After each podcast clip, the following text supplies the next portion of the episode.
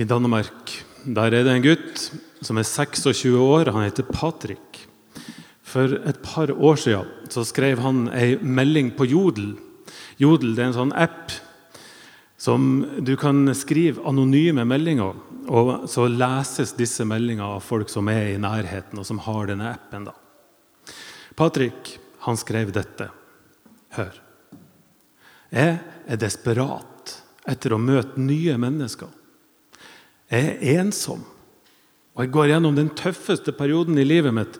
Og jeg kommer til å sitte på trappa foran rådhuset fra klokka to til klokka åtte.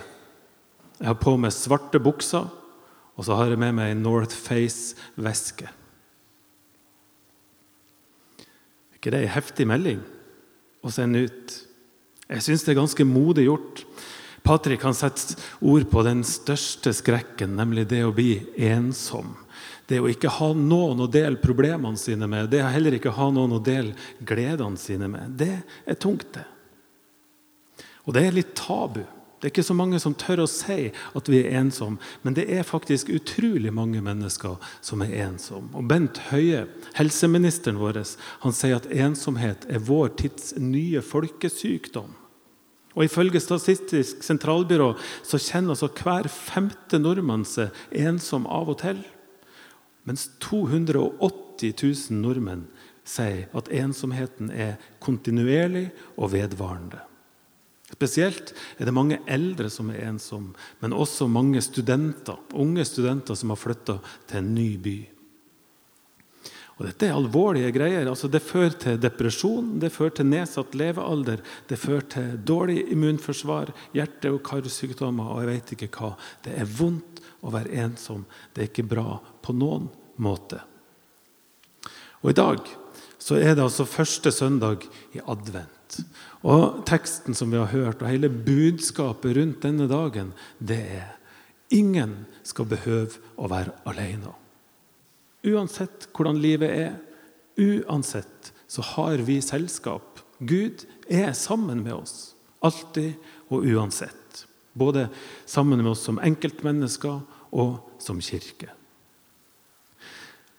Det er første søndag i advent, og advent det betyr Herrens komme.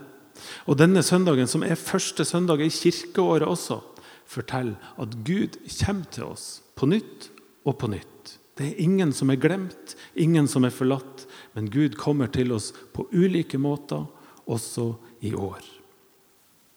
Husk dere teksten som Ellen Margrethe leste. Det er en av de mest kjente historiene i Bibelen. Og Det er en sentral historie fra påskefortellinga.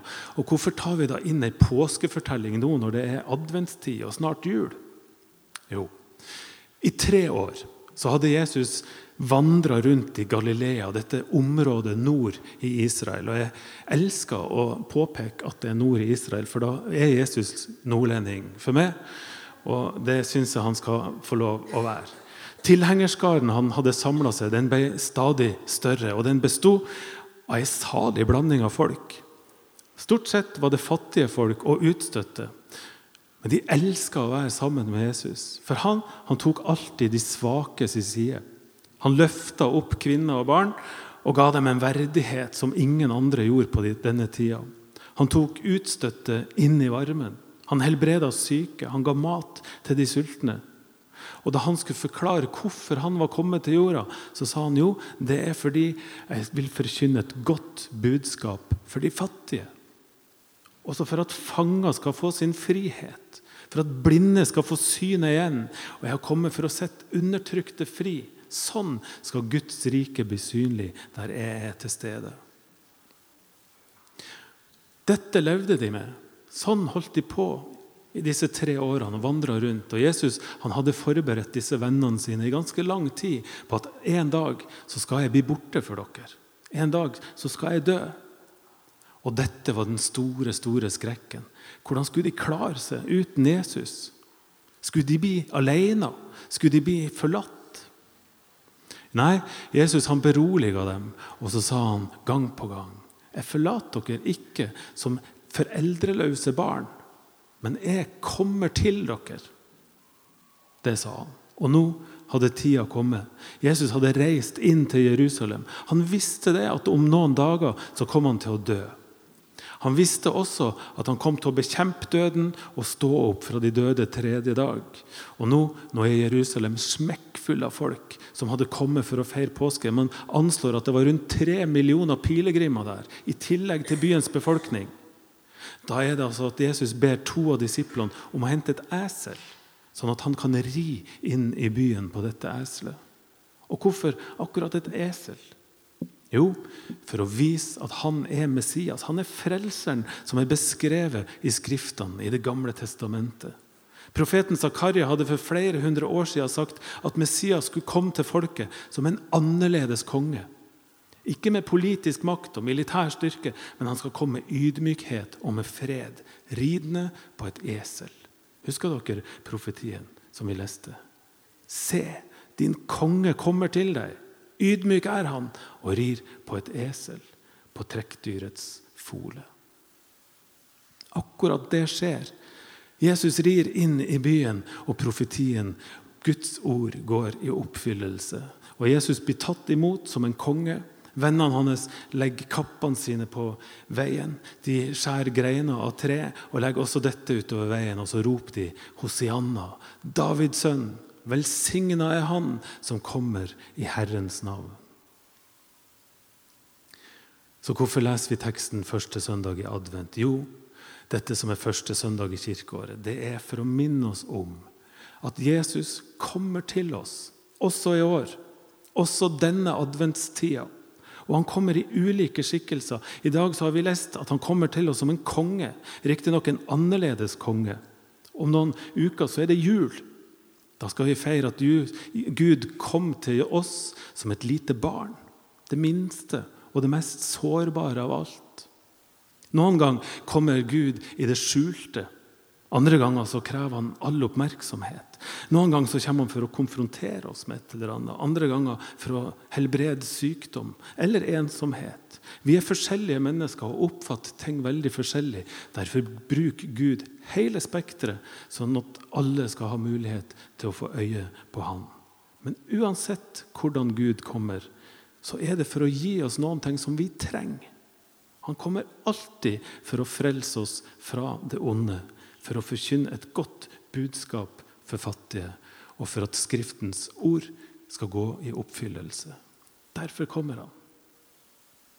Og Dagens budskap er at ingen av oss skal behøve å være alene. Jesus er alltid sammen med oss. Han kommer alltid til oss, og han er aldri lengre unna enn ei bønn. Og så blir spørsmålet, vi som sitter her som ikke var i Jerusalem for 2000 år siden, og som lever i dag, moderne mennesker. Hvordan kommer Gud til oss? Hvordan skal vi få øye på Gud, at han kommer til oss? Jo, det vanlige svaret, i hvert fall når du går i kirka, det er vel at Gud kommer til oss når vi leser i Bibelen. Når vi er her i kirka. Når vi ber når vi går til nattvær eller gjør andre ulike trospraksiser. Og I dag så skal vi jo få tro at Gud har kommet til oss, og kanskje til Sebastian spesielt, gjennom vann, gjennom dåpen. Og alt dette er riktig. Og jeg har lyst til å holde fram alle disse tingene. Gud kommer til oss gjennom alle, alt dette her. Men i dag så har jeg lyst til å fokusere på én ting til.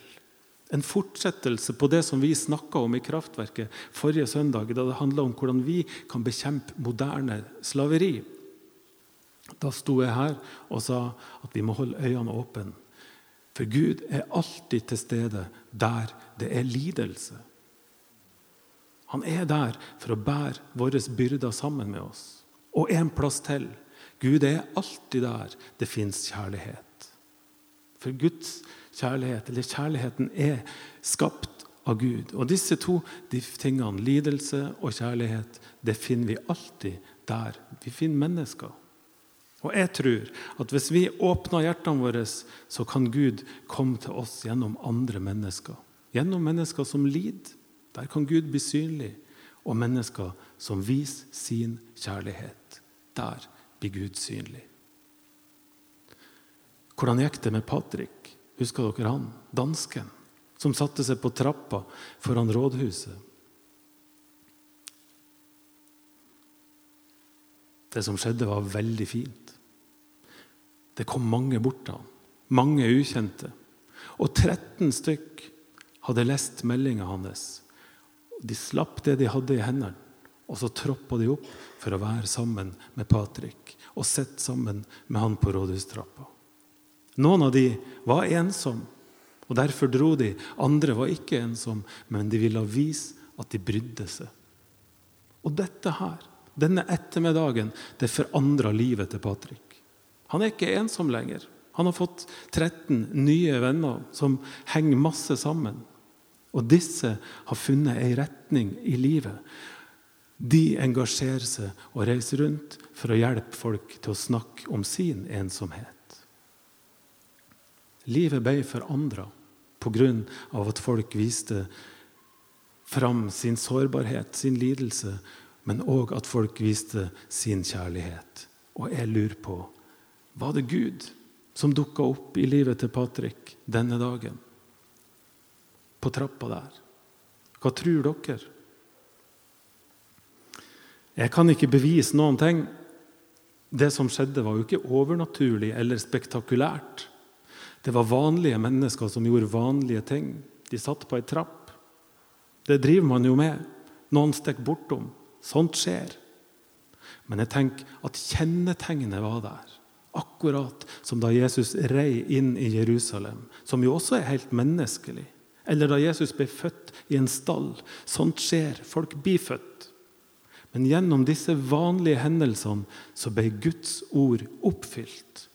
Og det var et godt budskap for fattige. Og det satte fanger fri, denne gangen fra ensomhet. Livet til Patrick og hans nye venner fikk ny mening og nytt innhold. Og da tenker jeg da kan ikke Gud være langt unna. For det er nettopp sånne ting Gud driver med. Helt til slutt. Gud er ikke langt unna en eneste en av oss. Det er Han vi lever, beveger oss og er til. Gud er ikke langt unna oss som kirke, men han kommer til oss i ordet, i brød og vin, i dåpen og i bønnene som vi ber. Og så har vi som kirke og som mennesker fått et kall og en oppgave, nemlig å gi Guds godhet videre til andre. I dag er det vi som er Guds armer og bein på jorda. Vår oppgave er å gå ut og spre kjærlighet overalt, og spesielt der det fins lidelse. For da kan Gud bli synlig for oss og for de vi møter, gjennom oss. Amen.